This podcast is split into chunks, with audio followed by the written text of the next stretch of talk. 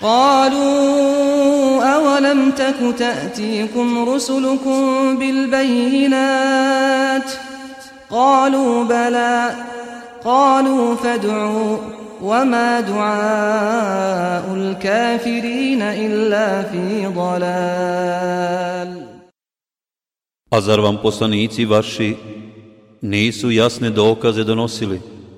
Upitaće oni. Jesu. odgovorit će, molite onda vi, reći će oni, ali će molba oni koji nisu vjerovali uzaludna biti.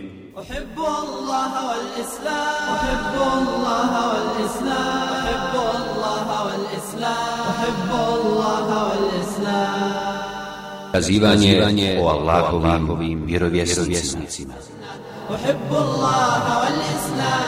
Kazivanje o Zekerijavu i Jahjavu alaihi selam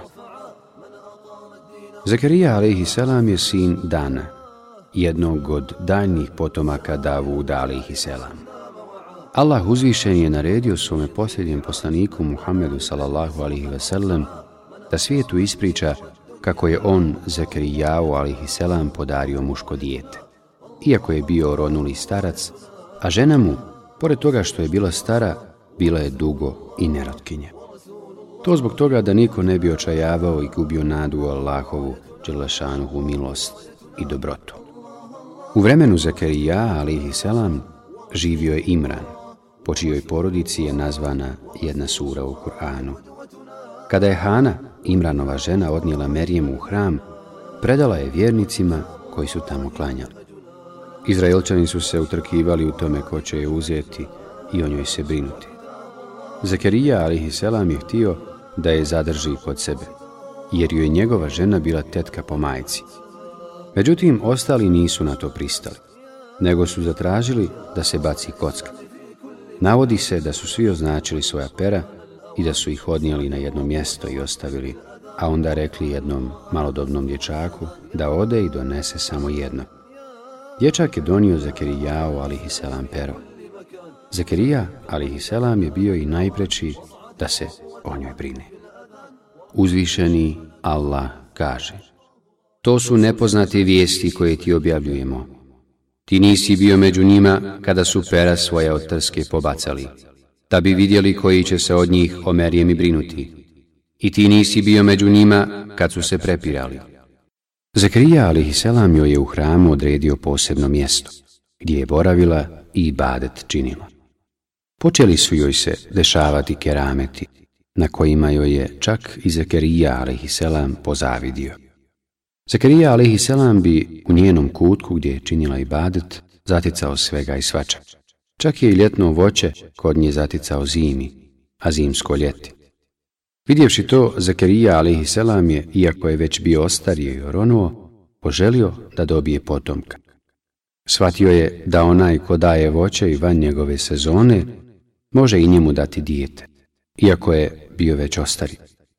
Uzvišeni Allah kaže I gospoda njezin primi je lijepo i učini da izraste lijepo i da se o njoj brine Zakirija, Kad god bio Zakirija u hram ušao, kod nje bi hrane našao. Odakle ti ovo, o Merijem? On bi upitao, a ona bi odgovorila. Od Allaha, Allah onoga koga on hoće bez računa obskrbljuje. Tu Zekerija zamoli gospodara svoga.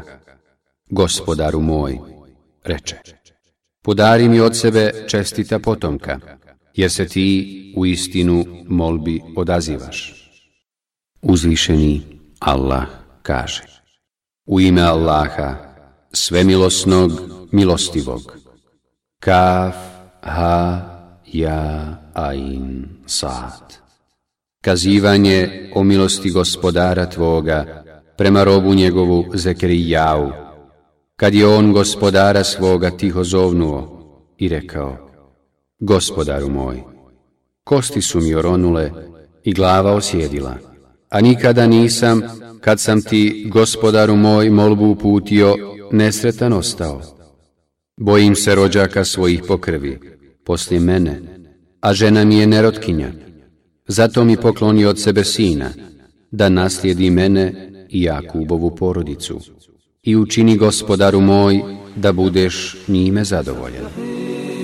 Sabahi, sabahi, sabahi, sabahi. Izgleda da se Zekaija alihi selam bojao da će oni nakon njega među Izraelčanima kršiti Allahove propise i odredbe.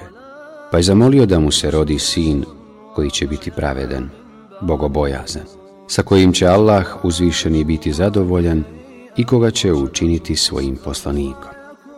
Pod riječima da nasledi mene, ne misli se na naseđivanje metka, kao što to neki tvrde, nego se misli na poslanstvo. Dokaz tome je više stvari. Prvo, Buharije i Muslim prenosi od Omera, radi Allahu Anhu, da je Allahu poslanik, salallahu alihi vaselam, rekao Mi poslanici se ne nasljeđujemo. Sve što iza nas ostane je sadaka. Drugo, Dunjaluk je poslanicima Isu više ništavan da bi se na njega osvrtali i gomilali ga. Ili da bi od Allaha uzvišenog tražili da im da djecu koja bi metak nakon njih naslijedila. Čak i onaj ko nije ni blizu njihovom stepenu skromnosti ne traži dijete da bi ga naslijedilo u materijalnim dobrima. Treće, Zakarija a.s. je bio tesar. Svojim rukama je zarađivao i time se hranio, kao što je to činio i Davud a.s. Logično je da se čovjek, a pogotovo poslanik, ne trudi previše da bi gomilao bogatstvo koje će posle njega drugi naslijediti. Uzvišeni Allah kaže I dok se on stojeći u hramu molio, meleki ga zovnuše. Allah ti javlja radosnu vijest. Rodit će ti se Jahja, koji će u Allahovu knjigu vjerovati i koji će prvak biti, i čedan i vjerovjesnik potomak onih dobrih. Kada mu je radosna vijest o dječaku došla, On se začuđen počeo raspitivati kako to u ovim godinama može biti. Tada imao stotinu godina, a njegova žena godinu manje. A ni u mladosti nije mogla rađati.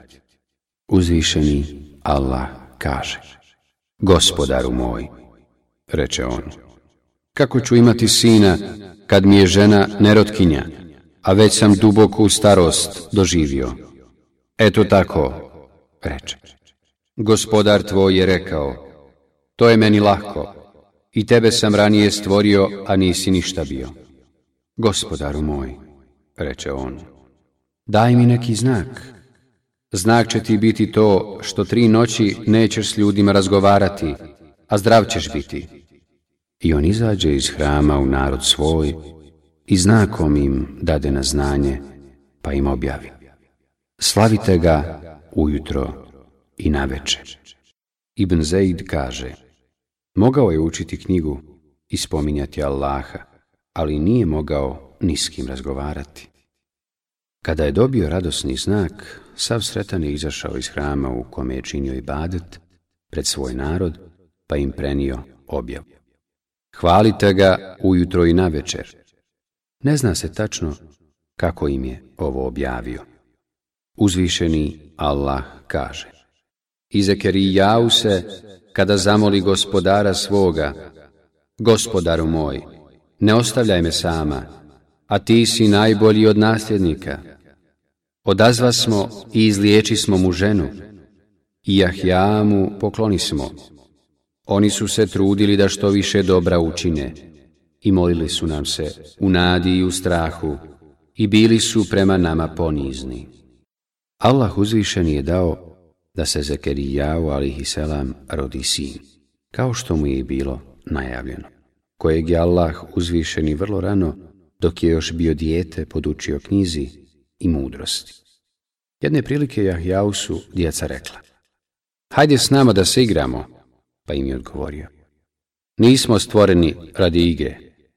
Uzvišeni Allah kaže O Jahja, prihvati knjigu odlučno a dado smo mu mudrost još dok je dječak bio. I nježnost, i čednost, i čestit je bio, i roditeljima svojim bio je dobar, i nije bio drzak i nepristojan. I neka je mir njemu na dan kada se rodio, i na dan kada je umro, i na dan kada bude iz mrtvih ustao.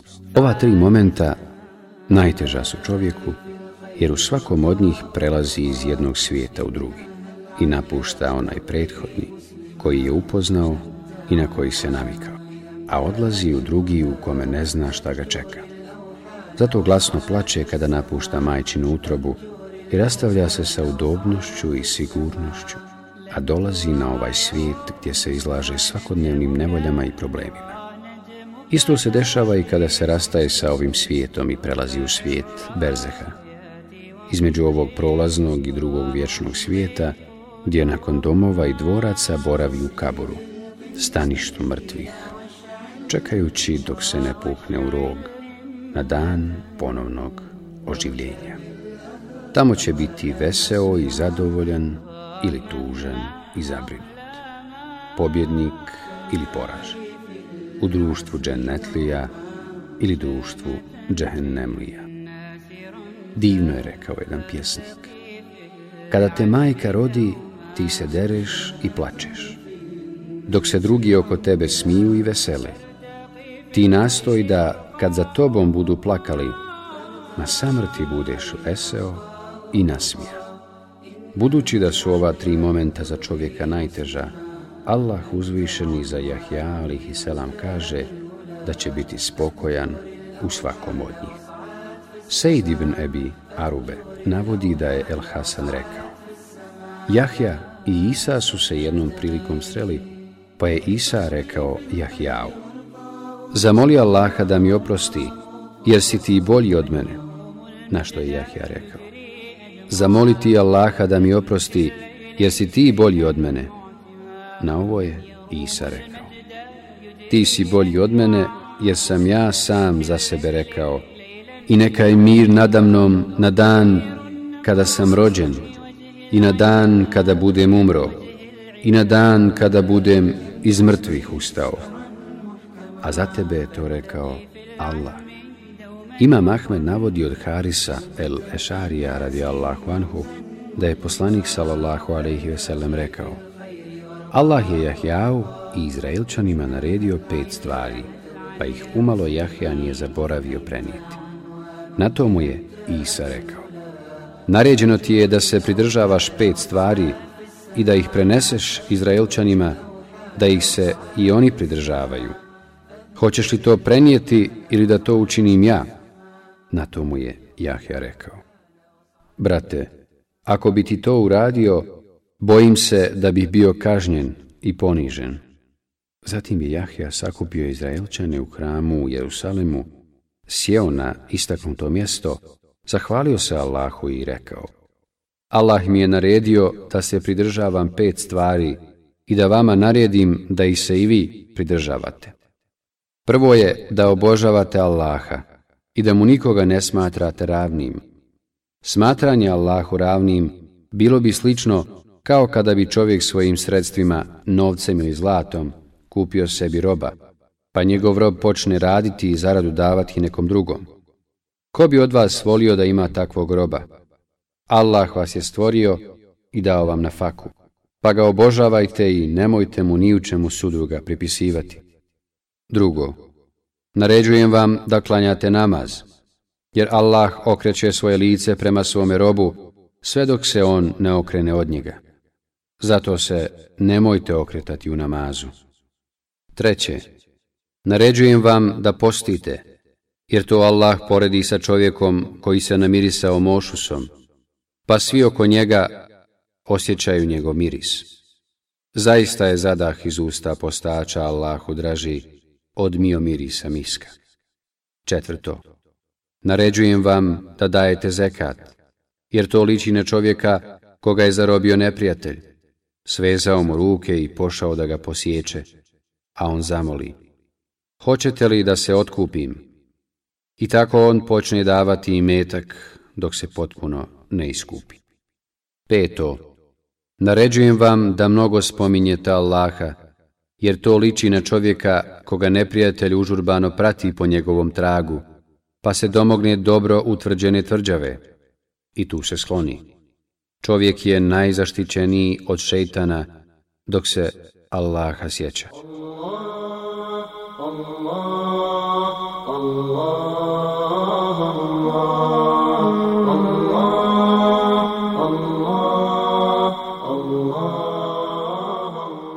Jahja alihiselam se mnogo osamljivao i vrijeme provodio u pustini, hraneći se lišćem od drveća i pijući vodu iz rijeka.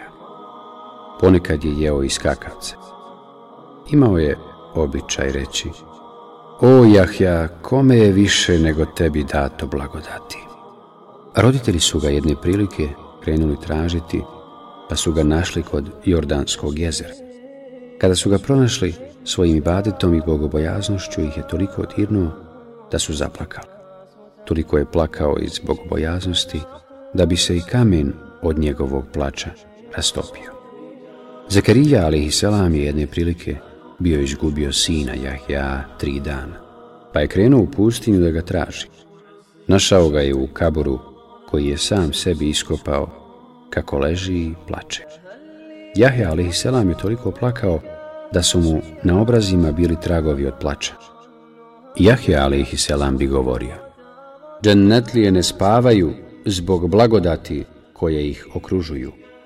Tako iskreni vjernici ne trebaju spavati iz ljubavi prema Allahu koja im je usađena u njihova srca. Isak ibn Bišar u svom dijelu El Mubtede kaže Jahe a.s. je bio najbolji od svih ljudi svoga vremena, najljepši i najblistavijeg lica. On nije osjećao potrebu za ženama, ali ga je razvratna žena tadašnjeg izraelčanskog vladara poželjela. Poslala je po njega da joj dođe, ali on odbio otići. Na to se ona odlučila da ga ubi. Izraelčani su imali jedan praznik kojeg su svake godine slavili. Običaj je bio da vladar obećanja koja da toga dana, obavezno ne porekne i ispuni. Kada je vladar krenuo na proslavu tog praznika, s njim je pošla i njegova žena. Pošto ga ranije nije pratila na proslave tog praznika, to mu se dopalo, pa joj je rekao. Zatraži nešto. Šta god zatražiš, daću ti. Želim glavu i krv Jahja, sina Zekrijaovog, rekla je. Zatraži nešto drugo, rekao joj samo to želim. Rekla je, pa joj je to obećao. Odmah je poslala stražare po Jahja a.s. Zakarija a.s. i Jahja a.s. bili su u hramu i klanjali. Uhvatili su Jahja a.s. zaklali ga i njegovu glavu i krv odnijeli joj u lavoru. Kada je glava donesena i stavljena pred vladara i njegovu ženu, Allah uzvišen je dao da vladar i njegova porodica propadnu u zemlju. Kad su osvanuli i vidjeli šta se desilo, Izraelčani su rekli Hajde da ubijemo i Zakirija. Zakirija, a.s. je čuo da se spremaju da i njega ubiju, pa je pobjegao. Oni su išli za njim na čelu sa Iblisom, neka je Allahovo prokledstvo na njega, koji im je pokazivao gdje je Zakirija, a.s. Bježeći od njih, naišao je na jedno drvo koje ga je pozvalo. Ovamo, ovamo! Ono se rastavilo, pa je ušao u njeg. Ali Iblis, neka Allahovo prokletstvo na njega, sustigao ga je i uhvatio za kraj odjeće. Drvo se sastavilo, ali je kraj njegove odjeće ostao da viri. Kada su Izraelčani došli, Iblis, lanetullahi aleyhim, je rekao Zar niste vidjeli da je ušao u ovo drvo? Evo kraja njegove odjeće. Unutra je ušao svojom čarolijom. Uzeli su pilu i prerezali drvo. I tako ubili Allahovu poslanika Zakirija alihiselam. A Allah uzvišeni najbolje zna. تحت أقدام الخزان أرعدت بالسهر روحي واغتلى فيها نظام